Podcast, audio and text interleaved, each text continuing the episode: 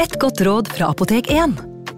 Nå er snart pollensesongen i gang, og et godt råd til deg som sliter med pollenallergi, er å begynne behandlingen i god tid før allergisesongen starter. Da får du nemlig enda bedre effekt av legemidlene, og så blir ikke våren din helt ødelagt. Kom innom og få råd på ditt nærmeste Apotek 1, eller chat med oss på apotek1.no. Apotek 1 vår kunnskap, din trygghet.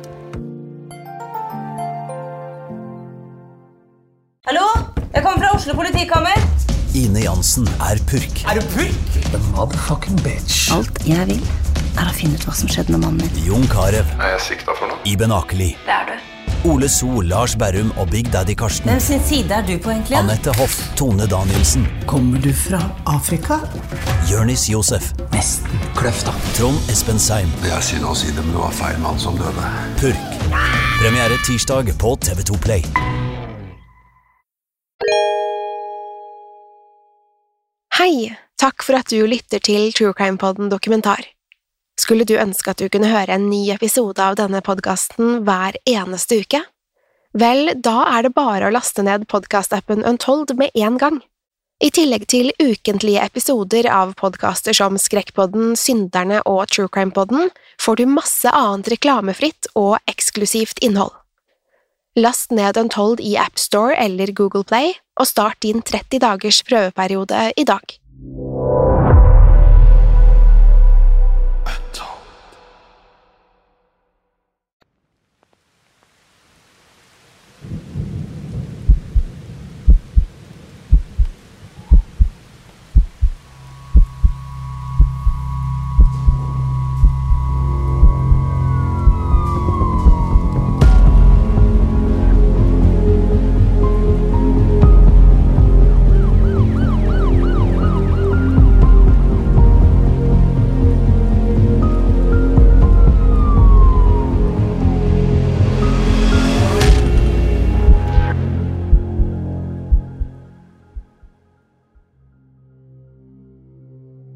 Milwaukee, Wisconsin 27. mai 1991 Han løp så raskt føttene kunne bære. Konrak Sintasomfon var bare 14 år, men hadde akkurat stirret døden i hvitøyet. Han løp nå i håp om å berge sitt eget liv. Konrak hadde vært gjennom et helvete i leilighet 213, men nå var han endelig fri. Blodet rant fremdeles nedover lårene. Han hadde blitt misbrukt og torturert, men det spilte ingen rolle nå. Han løp naken gjennom natten og håpet at noen ville hjelpe ham. To 18 år gamle jenter oppdaget snart den livredde gutten og forsøkte å roe han ned. Konrad prøvde å snakke, men ordene stokket seg i munnen hans. Han hadde blitt dopet ned og fått noe sprøytet inn i hodet og var fremdeles i sjokk. Da politiet ankom, kjente han umiddelbart lettelsen i kroppen. Han var fremdeles ikke i stand til å forklare hva som hadde hendt, men han var overbevist om at han var i sikkerhet. De måtte jo se at han hadde blitt utsatt for noe forferdelig. Politiet ville ta seg av han og passe på at han aldri måtte returnere til den grusomme mannen. Dersom Konrak hadde vært i stand til å snakke, hadde de kanskje ikke trodd han uansett. Konrak hadde nemlig vært offer for ubegripelig ondskap. Det verket fremdeles i kroppen hans, men han følte seg likevel heldig. Han hadde sett bildene i leiligheten og visste hva som hadde ventet dersom han ikke hadde kommet seg ut. Da mannen hadde forlatt leiligheten for å kjøpe øl, innså Konrak at han måtte komme seg ut. Han trosset smertene og klarte til slutt å stagge seg på bena. Det gikk sakte, men for hvert steg kom han seg i hvert fall litt nærmere friheten. Smerten og medisinene gjorde det vanskelig å kontrollere bena. Likevel klarte han å tvinge seg selv til å fortsette. Konrak visste at mannen ville følge etter han så fort han oppdaget at han hadde rømt. I dette tempoet ville det bare være et spørsmål om tid før han ble tatt igjen. Tre år tidligere hadde broren til Konrak blitt utsatt for noe lignende. En høy, blond mann ved navn Jeffrey Dahmer hadde invitert han til leiligheten sin og tilbudt han 50 dollar for å ta nakenbilder. Gutten var bare 13 år gammel, og tilbudet skremte han.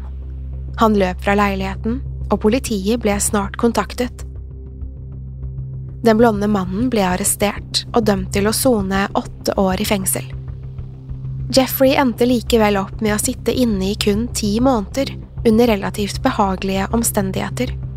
Han kunne blant annet forlate fengselet for å jobbe på kveldene, men endte ofte opp med å drikke seg full i stedet. Broren til Konrak hadde kommet seg helskinnet fra møtet med Jeffrey Dahmer, men nå var han igjen en fri mann. Konrak hadde nå støtt på den samme høye, blonde mannen. Mens den livredde gutten forsøkte å forklare hva som hadde hendt, grep plutselig Jeffrey tak i armen hans. Han insisterte på at Conrack umiddelbart ble med han tilbake til leiligheten. En av jentene, Sandra Smith, forsto at noe var galt. Conrack var blodig og hadde løpt naken i den kjølige natteluften. Det var åpenbart at han var redd, og at han forsøkte å komme seg vekk. Sandra grep den andre armen til Conrack, mens venninnen hennes løp for å rope etter hjelp. Snart ankom både en ambulanse og to politibiler. Conrack regnet med at politimennene ville arrestere Jeffrey, og at dette ville være slutten på hans mareritt. Han forsto likevel snart at politiet ikke hadde noen anelse om hva som foregikk. Da politimennene ankom, hadde Conrack fått et teppe surret rundt kroppen. Dette gjorde det vanskelig å se omfanget av skaden hans. Politimennene ønsket å roe ned de involverte, og foreslo at de flyttet seg vekk fra gaten. Jeffrey indikerte at han bodde like ved, og at han og Conrack var kjærester. Til Sandras store misnøye ble også de to jentene bedt om å komme seg vekk. Hun var fremdeles opprørt da hun kom hjem til moren sin og begynte å fortelle hva hun hadde opplevd. Moren forsto alvoret og bestemte seg straks for å ringe til politiet. Hun mistenkte at jentene hadde vært vitne til noe virkelig grusomt. Den unge, nakne gutten hadde lårene dekket av blod. Han hadde ikke vært i stand til å fortelle hva som hadde skjedd men han var åpenbart livredd. Gutten hadde knapt klart å stå på beina da den høye, blonde mannen kom og hentet ham. Det var åpenbart noe fryktelig galt med denne situasjonen. Politiet hadde likevel ignorert jentenes forklaringer og bedt dem skynde seg hjem. Glenda Cleveland hadde riktignok ingen planer om å la saken ligge død. Hun slo nødnummeret og begynte å forklare hva jentene hadde opplevd. I mellomtiden hadde Conrack returnert til Jeffrey Dahmers leilighet. Alle Conracks anstrengelser hadde vært forgjeves. Han var nå tilbake i løvens hule og innså at han hadde blitt dømt til en grusom skjebne. Dahmer unnskyldte seg overfor politiet og beklaget at de måtte kaste bort kvelden på en så ubetydelig hendelse. Politimennene var enige. Det var tross alt flere, langt mer alvorlige forbrytelser som krevde deres oppmerksomhet. Conrack virket svært beruset, mens Dahmer fremsto høflig og bekymret. Politiet valgte derfor å stole på hendelsen til Jeffrey Dahmer. Dahmer gjentok at Conrack var kjæresten hans, men at de hadde endt opp med å krangle den kvelden. De hadde drukket tett, og krangelen hadde etter hvert eskalert. Han hevdet at Conrack hadde forlatt leiligheten i sinne og nektet å komme tilbake. Selv om Conrack kun var 14 år gammel, klarte Dahmer å overbevise politiet om at han var 19. Jeffrey viste politiet flere bilder av Conrack hvor han poserte lettkledd. Det som kunne ha mistenkeliggjort Dahmer, endte i stedet opp med å underbygge hans fortelling. For politiet ble dette en bekreftelse på at de to mennene hadde en intim relasjon. De stilte heller aldri flere spørsmål ved Conracks alder. Dermed valgte politiet å overlate Conrack til Jeffrey Dahmer. Han var livredd og ønsket å rope ut om hva som foregikk, men han var fremdeles ikke i stand til å gjenvinne kontrollen over kroppen. Han kunne ikke begripe hvordan politiet klarte å overse alle detaljene. Han hadde jo åpenbart blitt voldtatt og mishandlet. De mange bildene var heller ikke bare av ham. Det lå bilder av nakne menn og gutter i hele leiligheten. Og lukten. Hvordan kunne de bare ignorere den grusomme stanken som fylte hele leiligheten? Conrack ville aldri få svar på disse spørsmålene. Politiet kjøpte Dahmers historie, og antok at de to var elskere, midt i en opphetet krangel. Politimennene så ikke engang behov for å gjøre en bakgrunnssjekk på de to mennene. Dermed fant de ikke ut at den ene mannen i realiteten var en 14 år gammel gutt. De fant heller ikke ut at Jeffrey Dahmer var dømt for overgrep mot barn, og fremdeles var ute på prøveløslatelse. De fant ikke ut at gutten som hadde sendt Dahmer i fengsel, var broren til Conrack. Conrack ble etterlatt i leilighet 213 og skulle aldri forlate den igjen. Politimennene endte ikke opp med å melde inn noe mistenkelig ved denne hendelsen. I rapporten deres skrev de simpelthen Naken og beruset asiatisk mann returnert til kjæresten sin. Jeffrey Dahmer ble født 21. mai 1960. Foreldrene hans var unge, og faren Lionel gikk fremdeles på college. Han fortsatte å studere helt frem til 1966, da han fullførte en doktorgrad. På dette tidspunktet var Joyce Dahmer allerede gravid med deres andre barn. Joyce slet med både psykiske og fysiske plager da Jeffrey var ung. Hun var ofte sengeliggende og falt inn i dype depresjoner. Samtidig var Lionel til stadighet okkupert med studiene. Han var sjelden hjemme og var stort sett distrahert da han først var sammen med familien. Verken Joyce eller Lionel var i stand til å tilbringe nok tid med Jeffrey, og de kranglet ofte om ansvarsfordelingen. Som et resultat av dette følte unge Jeffrey seg ignorert og oversett. Da familien flyttet til Bath i Ohio, ble Jeffrey stadig mer innesluttet og ensom. Han var kun åtte år gammel, men følte seg helt alene i verden. Det var sommerferie, og han kjente ikke et eneste barn i området. Lillebroren David var bare en smårolling, og Jeffrey vandret ofte rundt på egen hånd. Da Jeffrey begynte på skolen, møtte han endelig jevnaldrende barn. Han ble beskrevet som en morsom gutt, men han fremsto likevel annerledes. Jeffrey oppførte seg stort sett pent, men han hadde for vane å le hvis de andre barna skadet seg. Det tok ikke lang tid før også Jeffrey innså at han ikke var som alle andre. Han begynte snart å tilbringe mer tid alene, og fant nye måter å underholde seg selv. Jeffrey var nysgjerrig på mye, men han var særlig fascinert av liv og død. Lionel har senere fortalt at Jeffrey ble utsatt for en svært traumatisk opplevelse i denne perioden. Han hevdet nemlig at sønnen var offer for et seksuelt overgrep da han kun var åtte år gammel.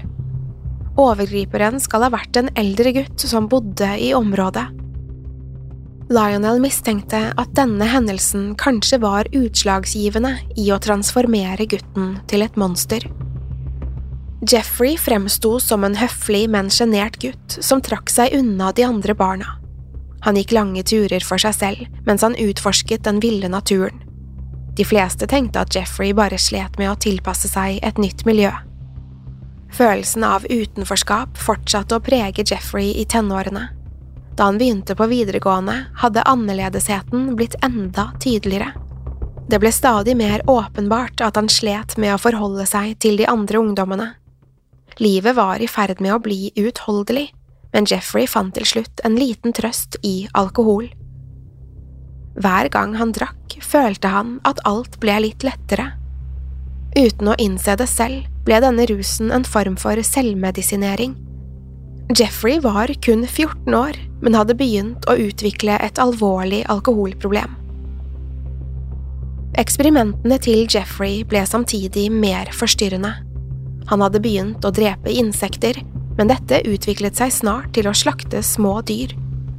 Jeffrey utforsket dyrenes anatomi og testet hvordan de reagerte på ulike kjemikalier. Han oppdaget blant annet at syre kunne strippe hud og kjøtt fra bena.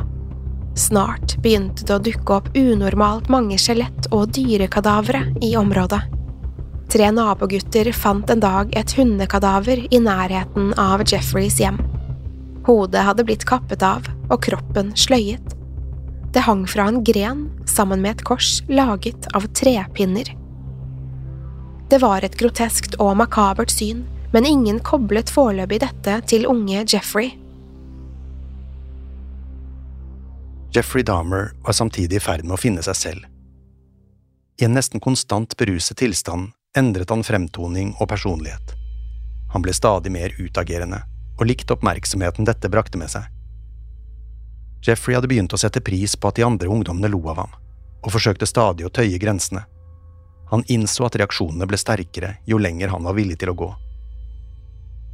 Selv om denne oppførselen ga Jeffrey en viss status, ble han fremdeles sett på som et utskudd.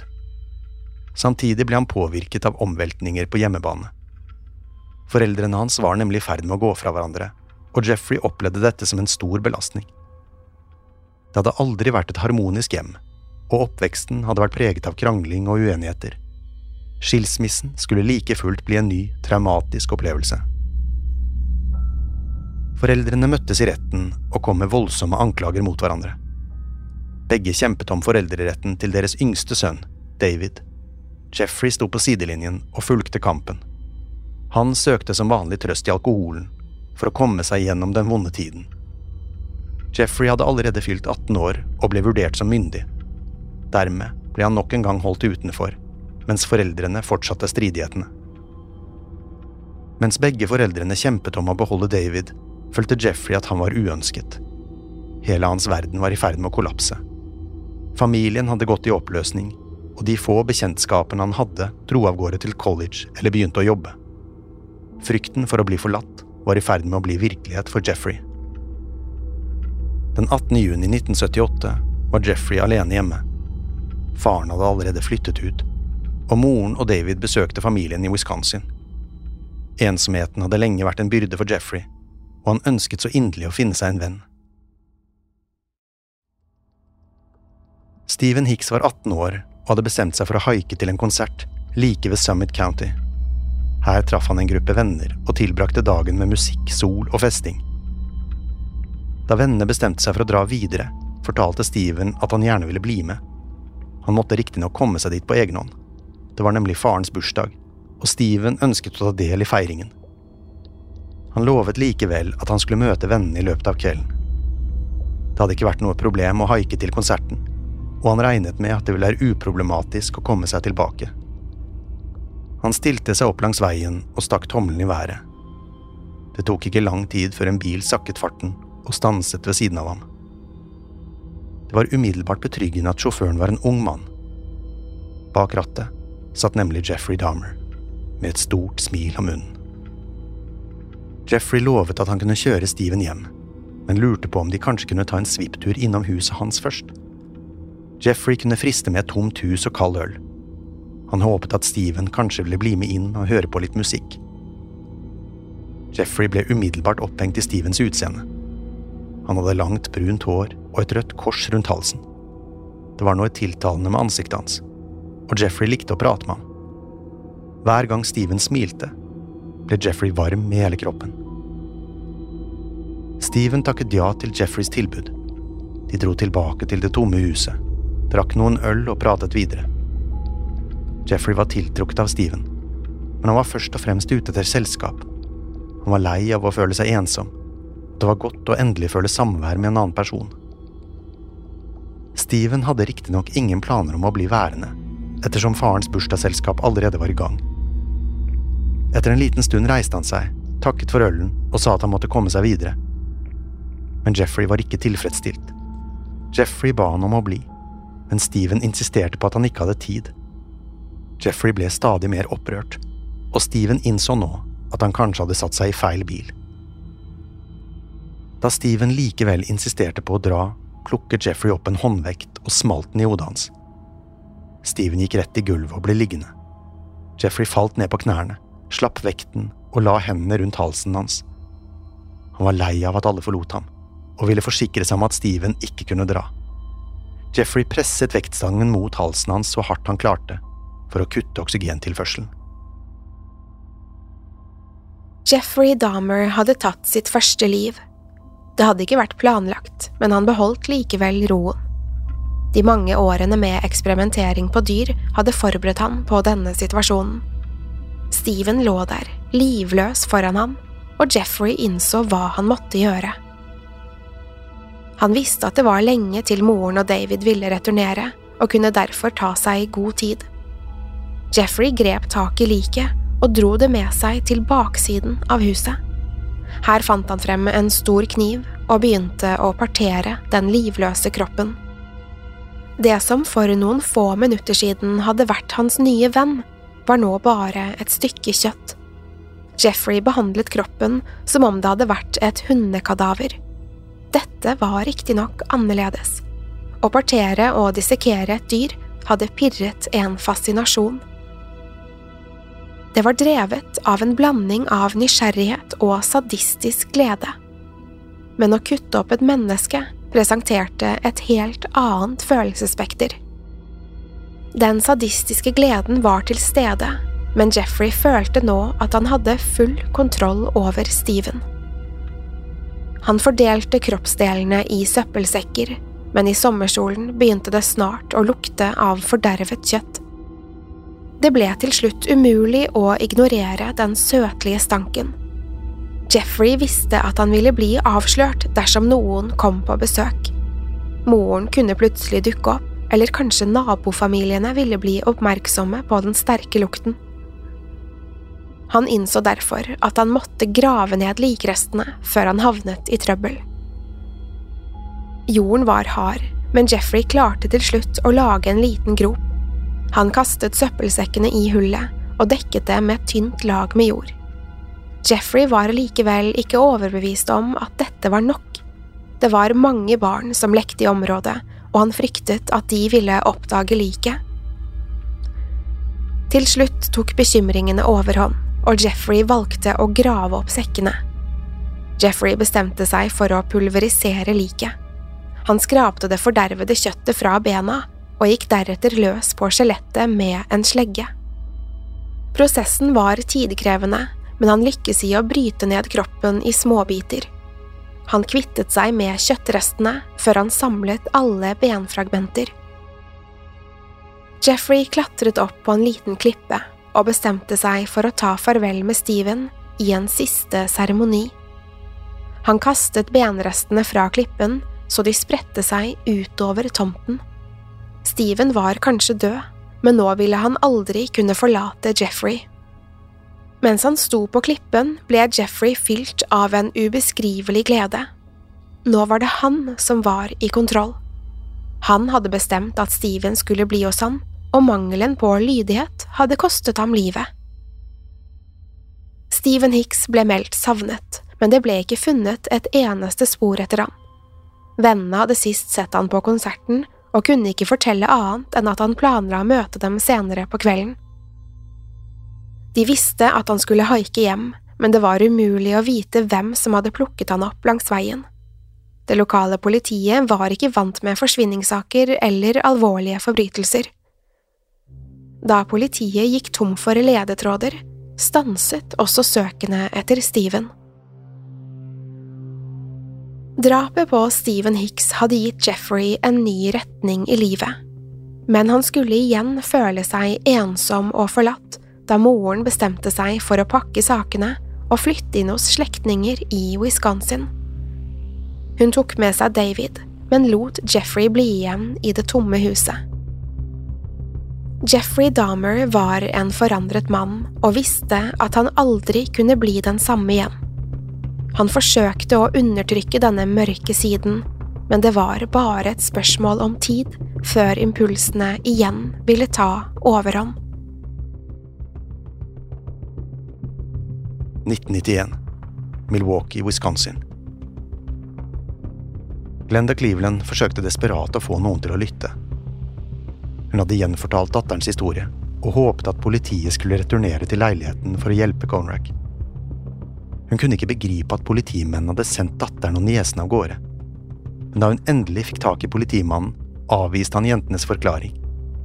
Han hevdet fremdeles at Conrack var en voksen mann som bare hadde kranglet med kjæresten sin. Politimannen avviste også ideen om at han hadde blitt utsatt for seksuelt overgrep.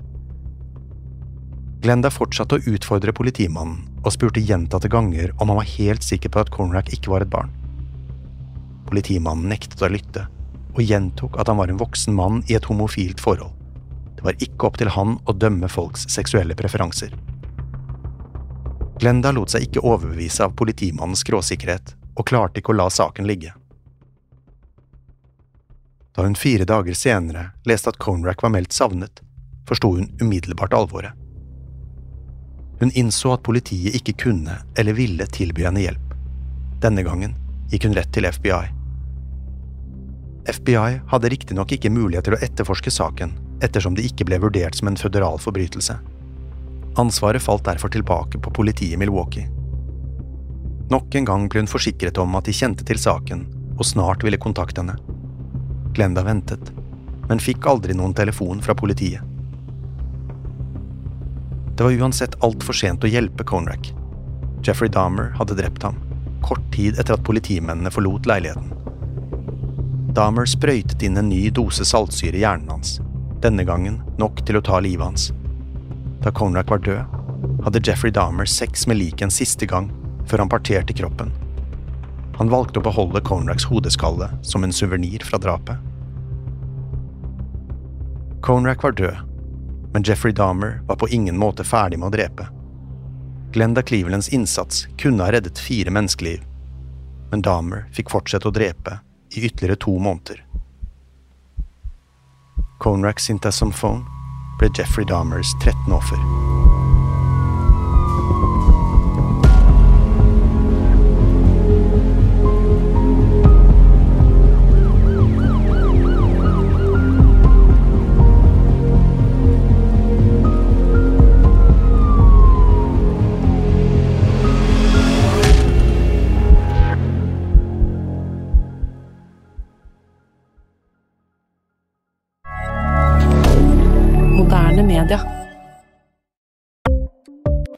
Ukens annonsør er Folio, en smartere banktjeneste for deg som har en egen bedrift eller ønsker å starte for deg selv.